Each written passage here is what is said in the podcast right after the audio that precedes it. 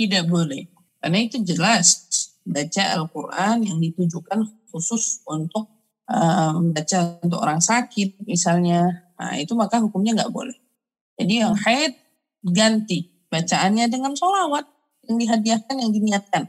Misalnya kalau di situ ada pembacaan Yasin biniatu syifa dengan niat kesembuhannya yang sakit, maka kita yang haid menggantinya dengan sholawat bil gulu baca sholawat tibil gulu misalnya berapa 100 kali atau 40 kali baru satu kali yang kita hadiahkan untuk yang sakit tersebut.